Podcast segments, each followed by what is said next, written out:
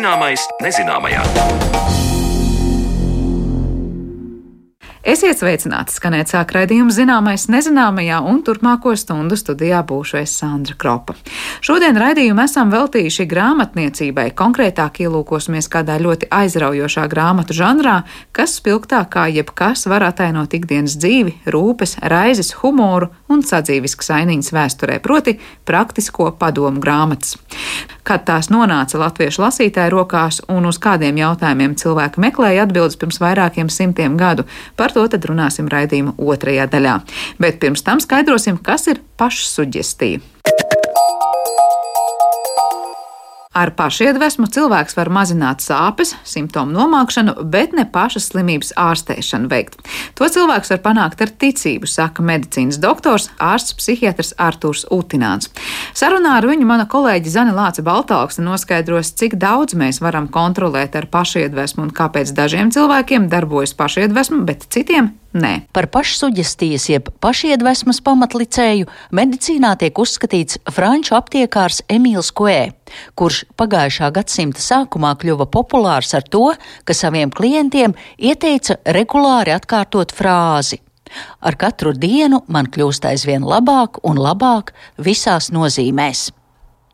Tad kāpēc šī šķietami vienkāršā metode citiem palīdz tikt galā gan ar emocionāliem, gan fiziskiem kaitējumiem, bet citiem nekādi neizdodas pašiem sevi noskaņot uz pozitīvās domāšanas viļņa? Par to saruna ar medicīnas doktoru, ārstu, psihiatru un psihoterapeitu Artūru Utinānu. Tātad, cik ļoti pašiedvesma var ietekmēt cilvēka gan garīgo, gan arī fizisko stāvokli? Viņa var mainīt diezgan daudz, apmēram teorētiski tikpat, eh, cik placebo efekts. Ja. Placebo efekts ir ļoti plašs.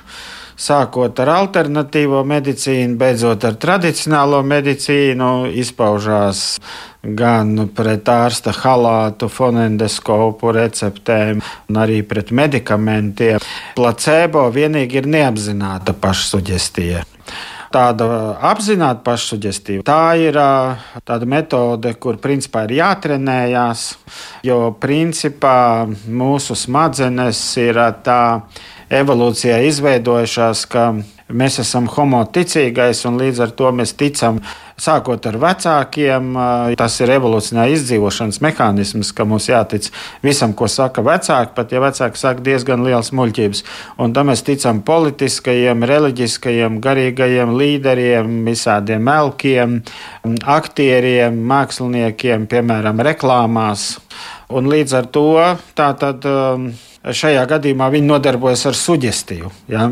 Un, ja mēs tās viņu domas pēc tam atkārtojam to pašu, ko šie elki un līderi teica, tad mēs sākam nodarboties ar pašsuģestīvu.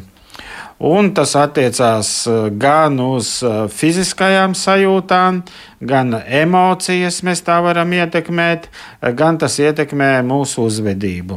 Es varu saprast eh, par uzvedību un emocijām, bet ja mēs paņemam tās fiziskās sajūtas un pašiedvesmu, vai ar pašiedvesmas palīdzību cilvēks var izārstēt, es nezinu, piemēram, vēdergraizes? Vēdergraizes skatoties eh, no kā? Psihosomatiskas sāpes vienalga vēderā, krūtīs vai mugurā pilnīgi noteikti, bet arī tādas sāpes, kas ir diezgan nopietnas, kroniskās sāpes, piemēram, pat onkoloģiskās sāpes. Eh, nu, placebo efekts eh, darbojās, tāpēc jau tik daudz cilvēki ar onkoloģiskām saslimšanām ir iekrituši pie ekstrasensiem. Kā placebo efekta rezultātā izdalās endorfīni, kas ir endogēnie morfīni, kas ir tāda pati narkotiskā viela, kā iešpricē ārsts to pašu morfīnu. Un līdz ar to tās sāpes cilvēkam pāriet daļēji vai pilnīgi. Pie placebo efekta un arī pie pašsuģestijas izdalās dopamīns, tas uzlabo garastāvokli. Nu, piemēram, cilvēkam var likties, ka viņš ir izārstējies. Bet ir zināms, ka ne pašsuģestija, ne placebo efekts vēzi neārstē. Tāpēc, nu, teiksim, šajā gadījumā vēža sāpes ir it kā zināmā mērā tāds kaut kāds signāls, jā, ka organismam nav kārtībā. Bet sāpes var būt arī tādas, kas ir nu, tā kā halucinācija. Jā.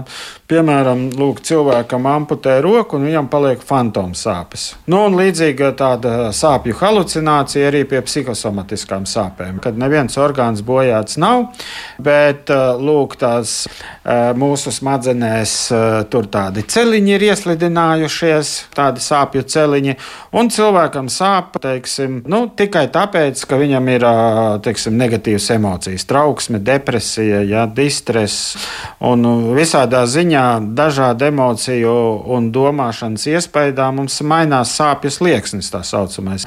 Jo sāpju slieksnis nav nekas tāds konstants, jā, viņš var pazemināties un paaugstināties. Piemēram, jūs slikti izguļaties un, un jūs sāpes jutīsiet vairāk, jūs izguļaties labi, mazāk.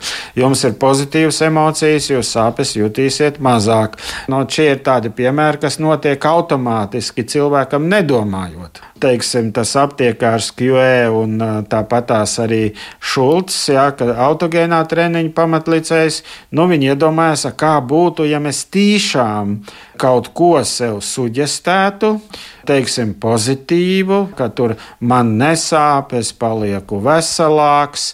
Kā ieteica QE, ja, man iet aizvien labāk un labāk, tur dzīve ir forša, ja, un kaut ko tam līdzīgu.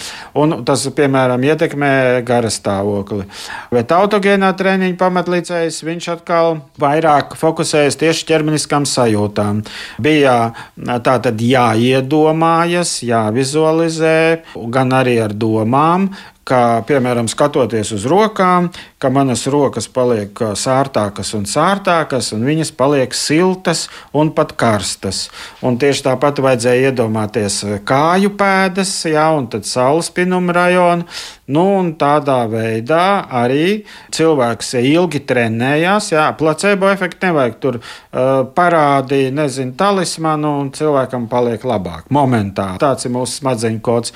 Lai šīs metodas tieši tāpat kā meditācija. Ir ilgi jāiet, jātrenējas mēnešiem, labi rezultāti, kaut kādi tādi, ka var arī reģistrēt ar zinātnisku aparatūru pēc gadiem vairākiem, jā, kā piemēram tagad diezgan daudz ir pētīti visi tie Tibetas mūki meditētāji. Un viena no tām ir arī, nu, kas ir izpētīta arī tummo meditācija, kur uh, viņi apsēžās augstā telpā un viņus apsedz ar slapjiem augstā ūdenī samērcētiem palagiem.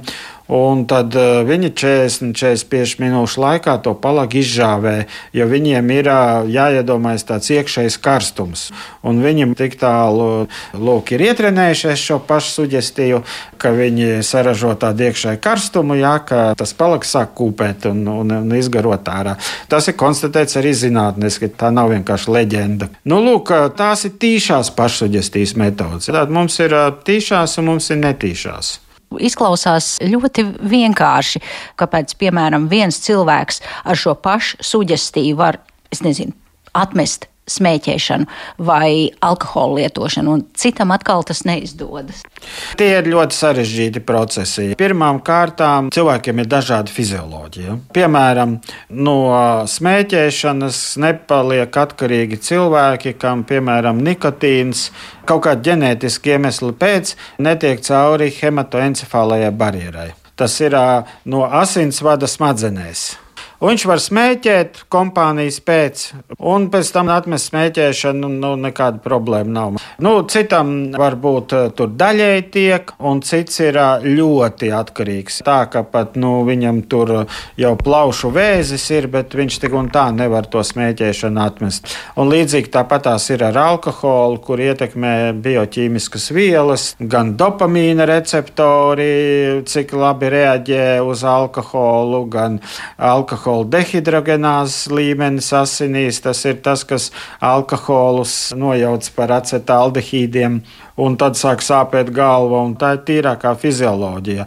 Un visiem cilvēkiem visi šie līmeņi ir dažādi līmeņi, dažādi receptoru skaiti, un tāpēc vieni atmetīs vieglāk, tad, kad izdomās atmest, un citi grūtāk, vai vispār tā arī nevarēs atmest. Bet pašsugestijas metodes, nu arī relaksācijas metodes, tur var nākt palīgā. Jā, tā tad, ja cilvēks sāk, teiksim, trenēties, jā, un viņš iegūst tādu labu līmeni, viņš var eh, daudz kur nepatīkamās sajūtas savā organismā nivelēt. Un līdz ar to viņam būs vieglāk atmest kādu no atkarībām. Cik ļoti var likt vienādības zīmi pašsugestija un gribas spēks, ja mēs paņemam divus kaislīgus pīpmaņus un viens nodarbojas ar šo pašsugestiju, un ar tās palīdzību atmet smēķēšanu, bet otrs pēc kaut kāda laika pasakā, nē, man tas neizdodas. Jā, nu gribas spēks ir arī atkarīgs no smadzeņu bioķīmijas, bet gribas spēku arī tāpatās tā kā pašsugestijas, meditācijas vai autogēnā treniņa iemaņas var trenēt. Kā saka, griba arī ir muskulis, ko var trenēt. Bet kā katrs muskulis, tas arī nogurst. Piemēram, ja jūs ļoti intensīvi koncentrēties uz vienu darbu, pieņemsim, lai pabeigtu pabeigtu kaut kādu interviju laikā, nodot. Jūsu gribas muskulis var kā, nogurt, un tad aizejot mājās, jūs, piemēram, kaut ko izdarat, ko bijat nolēmusi nedarīt. Tur, nezinu, pārēdaties vai atsākat smēķēt, jā, vai, vai, vai kaut ko tam līdzīgu. Bez tam, lai apgūtu šīs metodes, arī ir nepieciešams šis gribas muskulis, jo kopumā vismaz pirmajās divās trešdaļās apgūstamā perioda, kas var būt mēneši daudzi, ja, viņu praktizēt ir ļoti garlaicīgi. Daudz vairāk cilvēku mūsdienās ir praktizējuši meditāciju, tāpēc nu, diezgan varētu salīdzināt līdzīgi kaut kādā ziņā, teiksim, tās metodas. Ja. Un, nu, ir cilvēki, kas nevar nosēdēt tajā meditācijā, ja, un arī te ir atšķirības. Piemēram, ir viens cilvēks, kam neko nedarot, ātri paliek garlaicīgi. Viņš nevar nosēdēt, viņam kaut kas tur iekšā trinās, ka vajag staigāt, nevis tur sēdēt un blenst sienā. Un citi atkal savukārt to var labāk izturēt, ja, un līdz ar to viņi to metodiku apgūs labāk. Tā tad šai ziņā varētu teikt, stiprāka griba ir nepieciešama, lai tādu metodiku apgūtu. Tāpat kā visur, stipra griba ir nepieciešama, lai aiziet līdz sporta zālei. Jā. Gribas spēks tā ir tiekšanās uz mērķi, pārvarot ilgākas vai īsākas nērtības, lai šo mērķi sasniegtu. Savukārt pašiedvesma ir iemaņa, ko vajag apgūt. Tātad, lai iemācītos pašam sevi uz kaut ko iedvesmot, ir nepieciešams gribas spēks. Un vēl, ja cilvēkam ir grūti sevi suģestēt, tad ir jāņem vērā, ka arī pašam sev noticēt ir visgrūtāk, tā teica Artūrs Utināns. Nu, piemēram, pat cilvēks, kurš ir pašpārliecināts, ka ka es esmu talantīgs, tur es esmu līderis un tam līdzīgi. Bet viņš tā domā vienkārši automātiski. Varbūt tur, nezinu, vecāki viņam ir visu mūžu teikuši, ka tu esi īpašs, tu tur būsi labākais un tam līdzīgi, un viņš pa sevi tā domā. Bet, ja viņu apsēdina un viņam tagad ir jāiesuģistē sev siltuma sajūta, piemēram, vēdera rajonā, jā, tad uh, viņam var arī nemaz tā neveikties.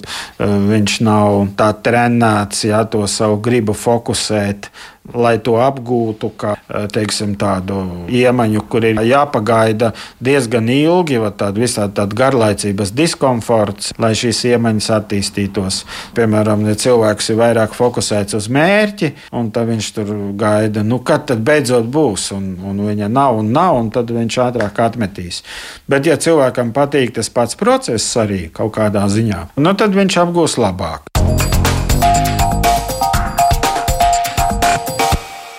Dzirdējām Zanes Lācis Baltāksnes sagatavoto stāstu par pašiedvesmu, bet par pašu palīdzības grāmatām vēsturē saruna pēc brīža.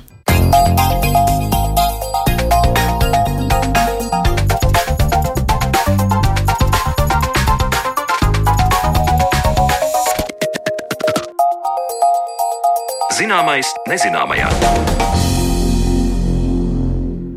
Nesen mēs veltījām raidījumu sarunām par grāmatām 19. gadsimtā, par to, kādu lomu tās ieņēma sabiedrībā, kas bija autori un kas lasītāji, bet šodien mēs īpaši pakavēsimies pie kāda arī mūsdienās ļoti iecienīta literatūras žanra, proti padomu grāmatām. Lai arī mūsdienās bieži esam paraduši atbildes uz praktiskiem jautājumiem meklēt internetā, arvien ir iecienītas pašpalīdzības grāmatas, un kad praktiski padomi sāka pārņemt grāmatu plauktas un uz kādiem jautājumiem tad atbildes meklēt meklēja cilvēki 18. un arī 19. gadsimtā. Par to tad šodien uz sarunu esam aicinājuši uh, Latvijas Nacionālās bibliotekas vadošos pētniekus, tad vadošā pētniece Beāta Paškevica pie mums labdien studijā, labdien. kā arī šīs pašas bibliotekas vadošais pētnieks un literatūras zinātnieks Pauls Dāja. Labdien! Labdien! Es saprotu, ka Latvijas Nacionālā bibliotekā ir skatāma izstāde krājums, kas veltīts ļoti interesantām un sadzīviskām grāmatām. Vispirms sāksim ar to, cik daudz bibliotekā ir tādas padomu grāmatas, un vai tā kolekcija ir ar kaut ko nu, ļoti īpaša, un, un cik sena un cik apjomīga tā ir. Pauls, sākšu ar jums. Padomu grāmatas no apgaismības laikmeta, tātad no 18. gadsimta vidus līdz pat 19. gadsimta vidum, ir apmēram 50 latviešu valodā. Un tam līdzās ir arī periodiski izdevumi, padomi, kas publicēti kalendāros, laikrakstos, piemēram, Latviešu avīzēs, tā ka tas skaits ir milzīgs. Mēs šobrīd um, ļoti aktīvi darbojamies, domājot par uh, Latviešu grāmatas 500 gadi 2025. gadā. Un mēs īpaši pievēršam uzmanību pētījumiem un cenšamies arī aktualizēt uh, interesantākās, nozīmīgākās lietas no mūsu krājuma. Un te mums jau labu laiku bija doma, ka apgaismības laikmetā ļoti nozīmīgs žanrs latviešu grāmatniecībā, praktiskie padomi. Viens no tiem grāmatniecības veidiem tajā laikā, ar kuru ir visvieglāk identificēties mūsdienās.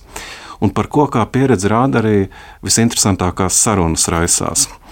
Un, tā mums radās ideja mazu daļu no šīm grāmatām mūsu krājumā izcelt šajā krājuma izlasē. Tad šobrīd var teikt, kolekcija ir apskatāma, jau skatāma, atvērta apmeklētājiem. Cik ilgā laikā mēs varam ko mēģināt cerēt, ieraudzīt? Krājuma izlase būs skatāma līdz 20. maijam. Tā kā šis pavasars var teikt tādu senāku padomu grāmatu zīmē Nacionālajā bibliotekā. Bet par to, kādas tad bija tās padomu grāmatas, nu par ko vairāk tos padomus mēģināja sniegt, Beati, jautāšu jums, vai tur ir tāda, nu, šodien mēs domājam, nu, ko mēs meklētājā Google prasām vai kaut kādās fórumu vai dombiedru grupās, var teikt, tas pats notika tikai grāmatu formātā. Jā, varētu tā teikt, ka tas pats notika tikai grāmatu formātā. Jo visi šie jautājumi, kas ir saistīti ar praktisko dzīvi, par to, kā labo, labāk dzīvot, jums jau rādio arī ir tāds raidījums, kurš katru dienu skan un ir ļoti jauks. Jā, un arī visas tēmas, kuras būtībā ir aktuāls mūsdienās, protams, nedaudz varbūt savādākos kontekstos, bet tomēr arī tās tas, tur tiek aplūkotas. Nu, piemēram, tā ir lopkopība, veterinārija. Ļoti svarīga tēma ir lopu sērgas, kā izvairīties no tām. Protams, skaistā un jaukā dārzkopība un arī jaunu kultūru ieviešana, kas tajā laikā bija ļoti aktuāli. Tie bija kartupeļi un āboliņš. Tad kartupeļi bija tajā laikā jaunums? Tas bija absolūts jaunums, jā, kuru arī uh, nevar teikt, ka uzreiz pieņēma mūsu platuma grādos, ar lielām aizdomām lūkojās uz šo jauno kultūru, bet tomēr kādreiz, tas ir ap 19. gadsimta vidu, tika gūta pārliecība, ka kartupeļi ir uh, labi un ka patiešām uh, tie izglābi arī no bada. Jo bads, protams, bija tāds nu, būtībā katru reizi, gandrīz vai katru gadu bija reāls tomēr uh, domas par to, vai pietiks līdz pavasarim varēs izdzīvot, vai klētis būs pilnas. Bet tie padomi par kartupeļiem bija par to, kā audzēt, kā stādīt, kā pagatavot, kā saglabāt, kas bija tas vairāk, par ko satraucās cilvēki ko mēs varam lasīt tajās lapusēs? Nu, divas galvenās tēmas - kā audzēt un kā izmantot kartupeļus ne tikai uzturā, bet arī saimniecībā. Kartupeļi kā piemēram. Uh, veļas mazgāšanas līdzeklis, ļoti liela iztēle, ko, ko var iesākt.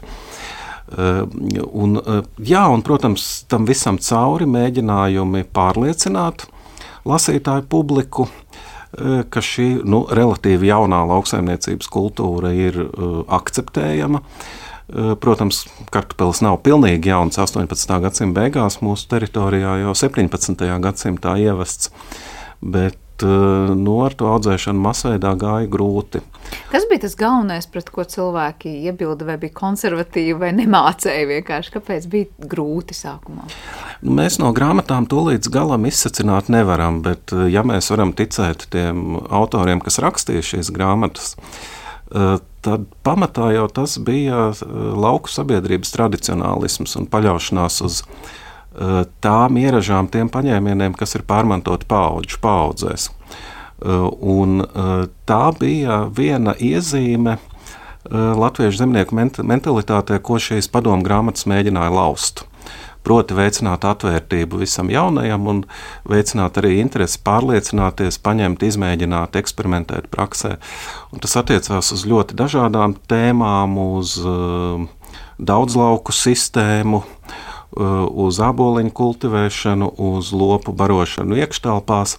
Uh, nu, šīs tēmas ir ļoti da dažādas. Un, uh, Principā tā ir viena no mm, interesantajām lietām mm, pētniecībā, padomu grāmatu pētniecībā, ka tās ir interesantas ne tikai mums, grāmatniecības vēsturniekiem, bet noteikti interesantas literatūras zinātniekiem, interesantas lauksaimniecības vēsturniekiem, arī Iespējams, ekonomikas vēsturniekiem un tāpat arī valodniekiem. Es domāju, tur visi pētnieki atradīs kaut ko sev interesējošu, jo tas jau ir par mums, par sabiedrību, vai ne par cilvēku, kā mēs esam citos gadsimtos tepat dzīvojot, domājuši, ko darījuši, ko audzējuši un no kā baidījušies. Bet labi, tik tālu mēs ar tiem kartupeļiem tikām skaidrībā, kas liek domāt, ka tā laika sabiedrība vismaz bija tāda nu, diezgan konservatīva, ja, lai pieņemtu jauno. Kā ar tādu pilsētnieku sabiedrību, nu, tie padomi, ko jūs šobrīd minējāt, liekas tādu, nu, to, to, ko var realizēt laukos, ja ārpus pilsētām vai bija tādas padomu grāmatas, es nezinu, par ko savukārt tiem pilsētās dzīvojošajiem. Um, jā, pilsētās dzīvojošais, uh, dzīvojošie, protams, interesējās par dārzkopību. Arī mums ir uh, ļoti slavens autors Hermans Cigra, uh, kurš ir sarakstījis pamācīšanu, kā visus ķēķa dārza stādus un tās iekšķēķes priekš citām derīgas zāles būs audzināt. Vienkāršoti var teikt, kāds garšvielas mēģināja audzēt vai kādas salātus. Ne tikai garšvielas, jā, patiešām šī grāmata, piemēram, izbrīna vislielākajā mērā, jo tā dažādība, kas tiek piedāvāta dārzā, viņam kā profesionālim, esot arī, jo Cigri ir daļdārznieks, viņš ir slavens cilvēks šajā jomā. Um, tur piedāvājums ir vis, visplašākais un vis, visdažādākās salātu šķirnes. Uh, arī tas, kas uh, varbūt pie mums vēl nebija tik plaši izplatīts un netika audzēts līdz pat lecektīm, līdz pat siltumnīcām, o, eksotiskām garšvielām, kuras tur tiek piedāvāts audzēt. Tā kā es domāju, ka šo padomu grāmatu noteikti arī pilsētnieki ces un pilsētnieki, varbūt arī kādi dārznieki, um, to lasīja un no tās svēlās iedvesmu. Iespējams, ka šī grāmata, protams, uh, nebija nu, netika vārds vārdā pielietota, jo tas piedāvājums ir tik plašs, un, protams, arī audzēšana nav tik vienkārša. To mēs zinām no pašu pieredzes, bet, bet bija. Te man prātā nāk mūsu iepriekšējās sarunas pirms kāda laika šajā raidījumā ar Astru Spalvēnu, kas savukārt stāstīja mums par pavāru grāmatām un ko viņi atklāja pētot šīs dažādu laiku pavāru grāmatas. Un tur, ja nemaldos, tas secinājums bija tāds, ka nu, patiesībā jau ļoti daudz no tā, kas bija minēts grāmatā lapusēs, nebūtu nebija tas, ko ikdienā cilvēki vispār varēja pagatavot vai vispār centās pagatavot, jo tas bija vai nu par dārgu vai par eksotisku, un varbūt arī zināja, ka pie tādām sastāvdaļām netiks, bet nu, tos salikumus tajās receptēs tomēr lasīt, lasīt varēja. Vai ar padomu grāmatām nav līdzīgi? Varbūt jūs arī teicāt kaut kādus tur eksotiskākus salātus. Neviens pat nevarēja tajā laikā izaudzēt, bet, bet padomu grāmata bija kā tāds, es nezinu, status vai, vai, vai es nezinu, vēlamās realitātes iemiesojums.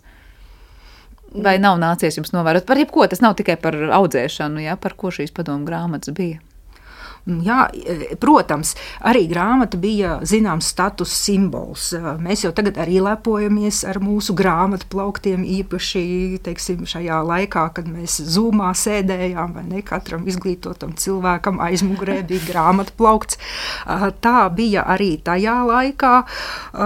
Protams, ka eh, ļoti plaši mm, zemnieku eh, lasītāju eh, vidē šīs grāmatas varbūt nebija izplatītas, bet tomēr mums ir jādomā, ka tādi cilvēki, kuri strādāja mūžās. Jo um, mums jau arī uh, latviešu sabiedrībā bija zināms noslāņojums. Mēs jau to visi, protams, zinām, ka latvieši nebija tikai zemnieki. Uh, šī latviešu vidusšķira, par kuru mēs varbūt tajā laikā ļoti nosacīti, protams, varam runāt, tie ir mūžu kalpotāji. Un no mūžu kalpotājiem prasa uh, šo standartu. Tā tad viņiem ir jāmācās, viņiem ir jāmācās jāiedziļinās. Ja kungs kaut ko ir at, ieraudzījis ārzemēs, atvedis, tad tas ir realizējams. Bet varbūt viņš ir izlasījis grāmatas lapusēs un izdomājis, man vajag tādus, tādus vai šādus košumu krūmus, bet, bet reāli viņi nebija pieejami. Paul, kāds ir varbūt redzējums arī papildus komentārs par to, cik tas atbilda tam, ko realitātē pielietoja no tiem padomiem. Nu, cik nu par to mēs varam spriest, protams. To mēs drusku varam nojaust, kad mēs skatāmies arī uz uh, tekstiem, kuros apspriesta šo grāmatu recepcija. Uh, izplatība bija dažādi autori, un daži patiešām mm, ļoti rūpīgi piegāja savai tēmai, arī konsultējās ar zemniekiem, eksperimentēja paši praksē. Un, uh, tur rodas iespējas, ka šie padomi varēja būt praktiski īstenojami. Uh, Bet bija arī citi, kas, piemēram, ņēma grāmatas, kas viņiem bija pieejamas vācu valodā, kas bija izdotas Vācijā, un gluži vienkārši pārtulkoja latviešu. Un tad, protams, radās tā situācija, kad tie padomi, kas ļoti piemēroti Vācijas zemniekiem, ar citu ekonomiskās attīstības līmeni, tie īsti nebija liekami lietā mūsu apstākļos. Un tāds piemērs, starp citu, ir pirmais latviešu vispārīga satura žurnāls Latvijas gada grāmata, kas ir pilns ar padomiem, par kuriem vēlākie pētnieki ir teikuši, ka tos nu gan nevarēja praktiski izdarīt. Varbūt jūs varat kādu ilustrāciju mums, es nezinu, vai atceraties, par ko apmēram tie varēja būt tādi. Tur uh, drusku jāpadomā, man nav šobrīd uh, tas teksts pie rokas, uh, bet uh, principā jau galvenokārt ir runa par uh, pieejamajiem resursiem. Lielākoties jau sākot ar medicīnu un beidzot ar mājsaimniecību, varēja likt lietā to, kas zemniekiem mājās bija. Un ļoti bieži, ārkārtīgi interesanti, mēs varam izsakot medicīnas receptēm, kur lielākoties uh, tās izēvielas eh, ir tas, kas zemnieku mājās ir atrodams. Dažādi pārtikas produkti, kurus tad var atšķirīgi kombinēt un, acīm redzot, nonākt pie, pie vēlamā rezultāta. Pie vēlamā rezultāta. Beātei bija kas piebilstams? Um, nu, ko tur varēja vai nevarēja, vai vēlamo uzdeva par esamo?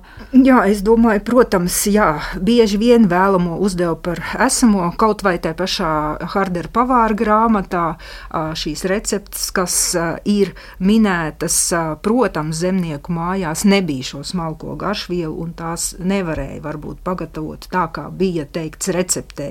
Un droši vien, ka neviens zemnieks arī to necentās darīt, jo bija sentēvu metodes, un um, tas arī um, varbūt saistīts arī zināmā mērā ar tādu uh, lasīšanas attīstību un lasīšanas vēsturi, uh, jo agrākos gadsimtos mutvārdos tēvs nodeva zināšanas dēlam, arī šos visus praktiskos padomus, un varbūt šeit mēs varam arī saskatīt to pretestību, to grūtumu, kādēļ šīs grāmatu gudrības uh, uzreiz neieviesās uh, katrā zemnieku sētā, uh, jo bija pilnīgi skaidrs, ka um, tā mans tēvs tā nav darījis. Kāpēc man tas būtu jādara? Kāds no malas man tagad mācīs? Ja te mēs nonākam pie tā, kurš bija autors tām grāmatām, un vai var teikt, ka tās konkrētajā jomā bija tādas kā autoritātes vai speciālisti, vai tomēr tas tāds sastādītājs, kurš, nezinu, apkopoja kaut kādus padomus, un neviens pat nezināja, kas tad ir tas autors, kas tos padomus dod.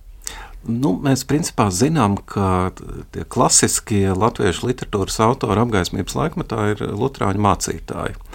Bet tieši padomu grāmatas ir tās, kur atklājas pavisam uh, atšķirīgs autoru klāsts. Tie ir piemēram ārsti. Grāmatai par kartupeļiem autors bija Cēsu ārsts kurš uzrakstīja manuskriptu vāciski, un tad lūdza kādam mācītājam to pārtulkot latviešu. Bet bija par kartupeļu audzēšanu ja, un izmantošanu mājsaimniecībā, kur nav Tieši tā, tā. par ietekmi uz organismu vai neko varētu gaidīt, varbūt kā ārsts raksta.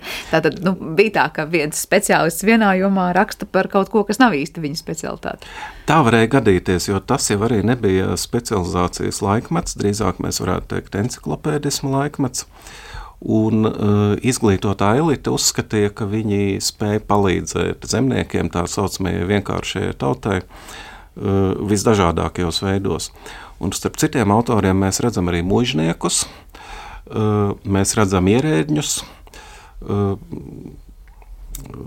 populāru dārzkopības grāmatu, kas arī tulkot igauņu valodā, sarakstīja Rīgas Rādskungs. Uh, kurš bija pametis savu amatu un devies atpūsties laukos, un tur eh, balstoties savā saimniekošanas pieredzē, saprata, ka ir nepieciešama grāmata par dārzkopību. Eh, tā ka tas ir ļoti interesanti grāmatniecības vēsturē, ka šis latviešu rakstošo autoru lokus ir ārkārtīgi daudzveidīgs. Un bija arī grāmatas, kuras, eh, kuru izdošanu sekmēja dažādas filantropiskas vācu baltiešu biedrības, kas šādā veidā centās palīdzēt uzlabot stāvokli laukos.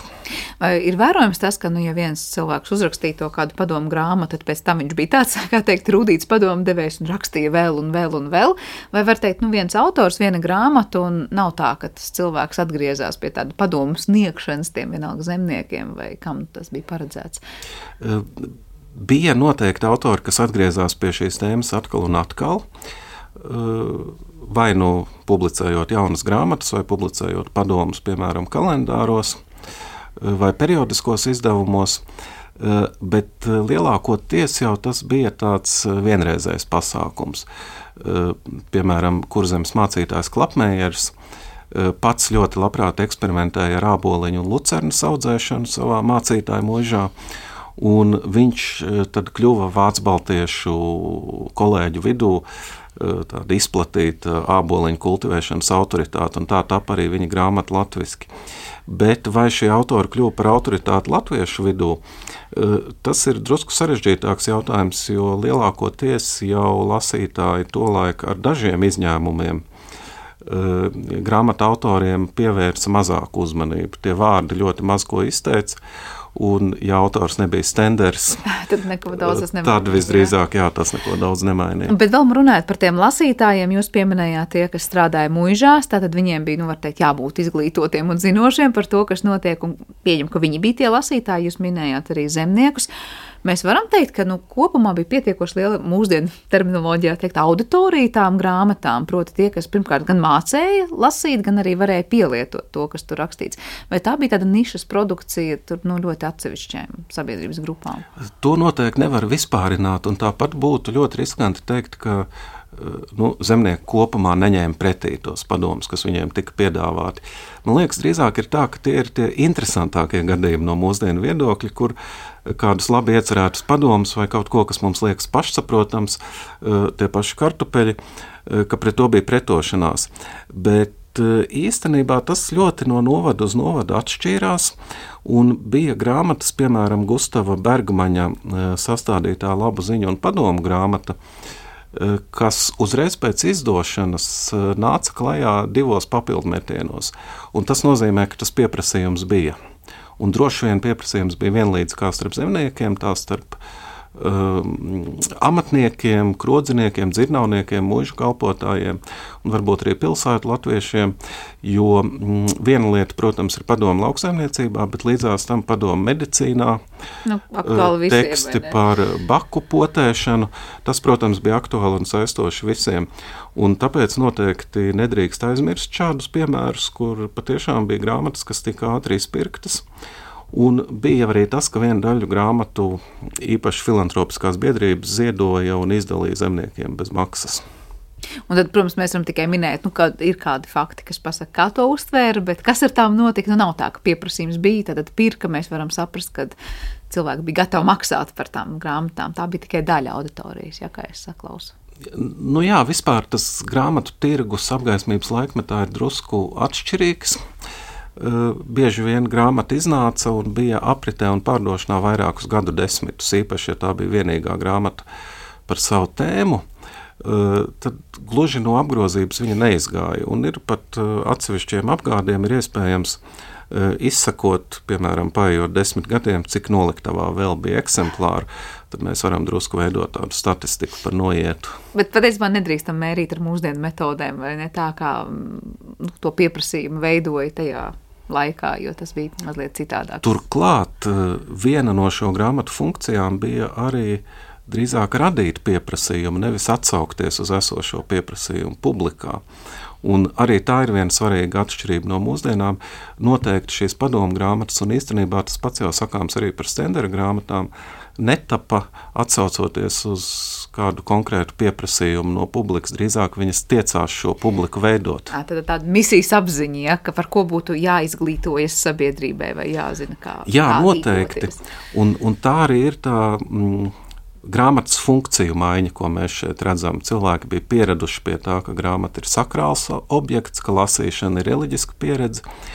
Un līdz ar šīm ļoti praktiskajām ikdienišķajām grāmatām mēs redzam, ka lasīšana un grāmata kļūst par uh, aizvien ikdienišķāku uh, pieredzes sastāvdaļu.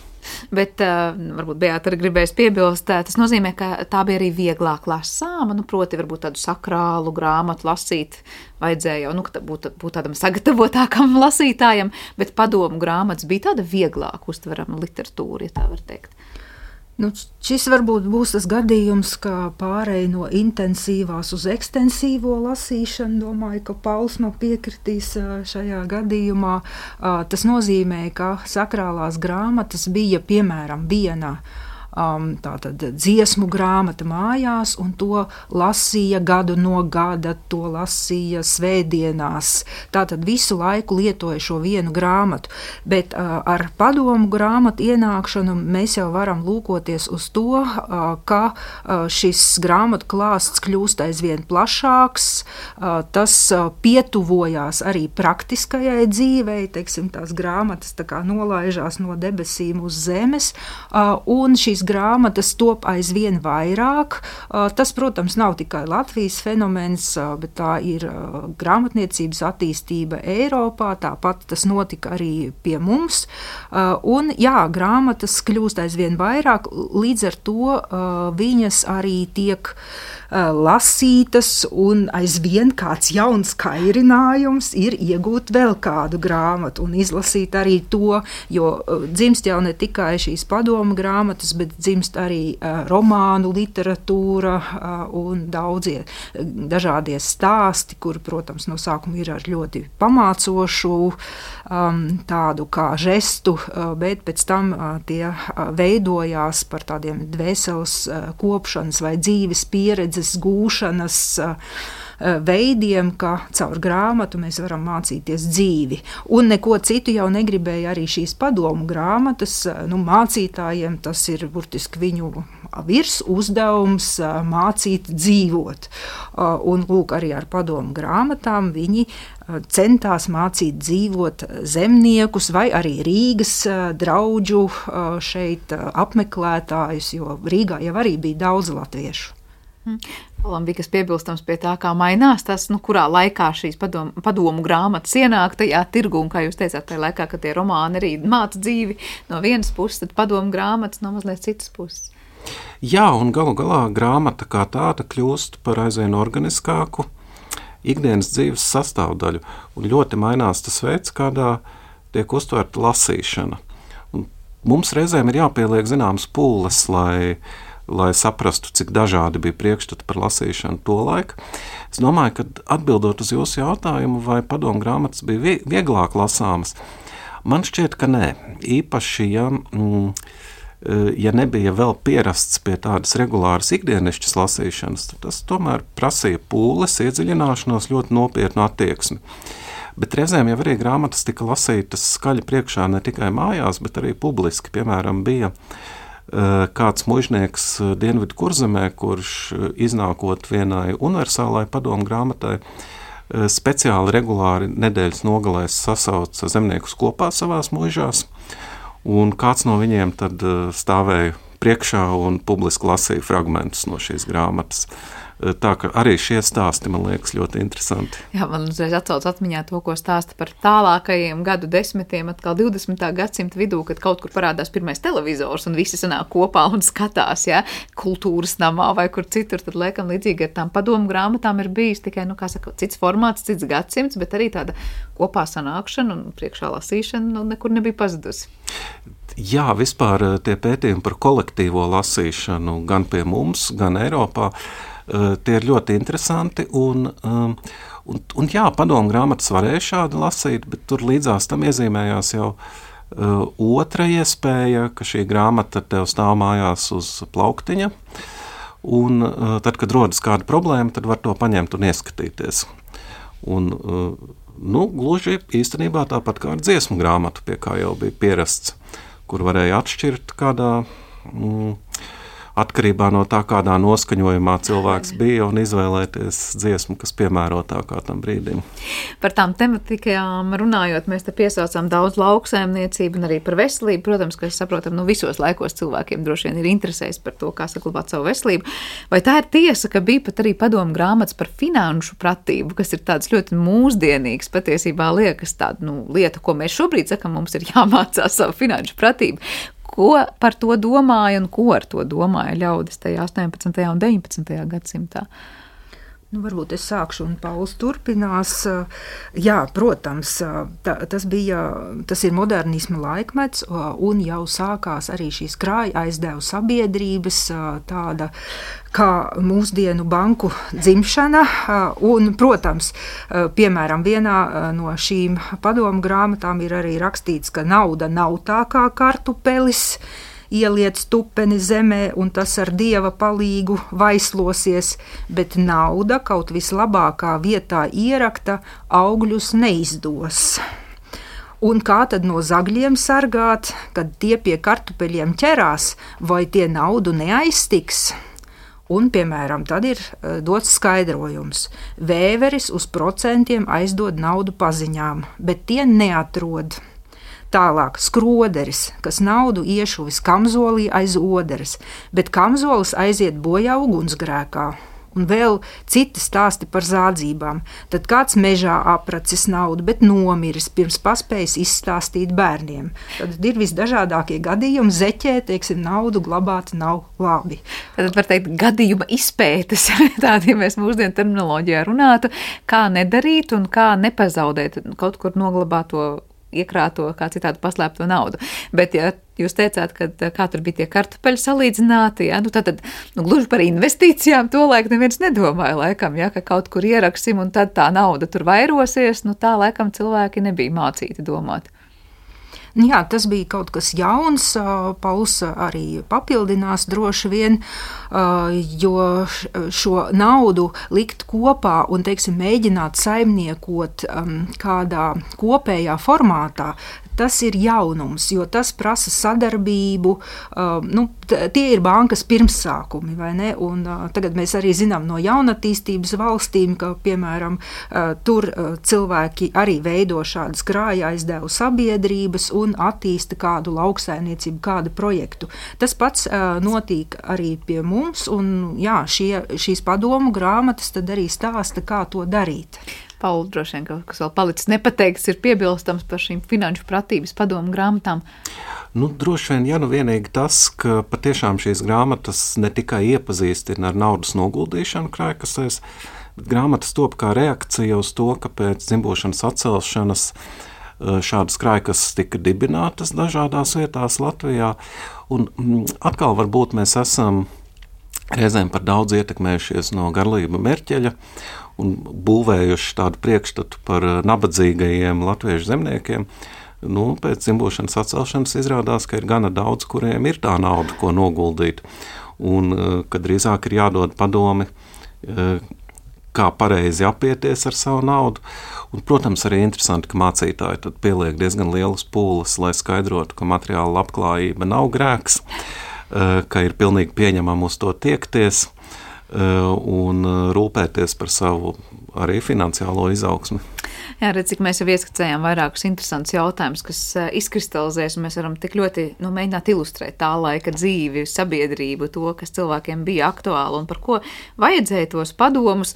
Uh, vienkārši skatoties, kādas ir šīs padomu grāmatas, noslēdzot šo sarunu, pavisam īsi lūkšu jūs arī katru pateikt, kā jums liekas, kas ir tas būtiskākais jautājums vai jautājumi, uz kuriem zinātniekiem, pētniekiem ļauj atbildēt šādas padomu grāmatas, to pētīšana, to apzināšana.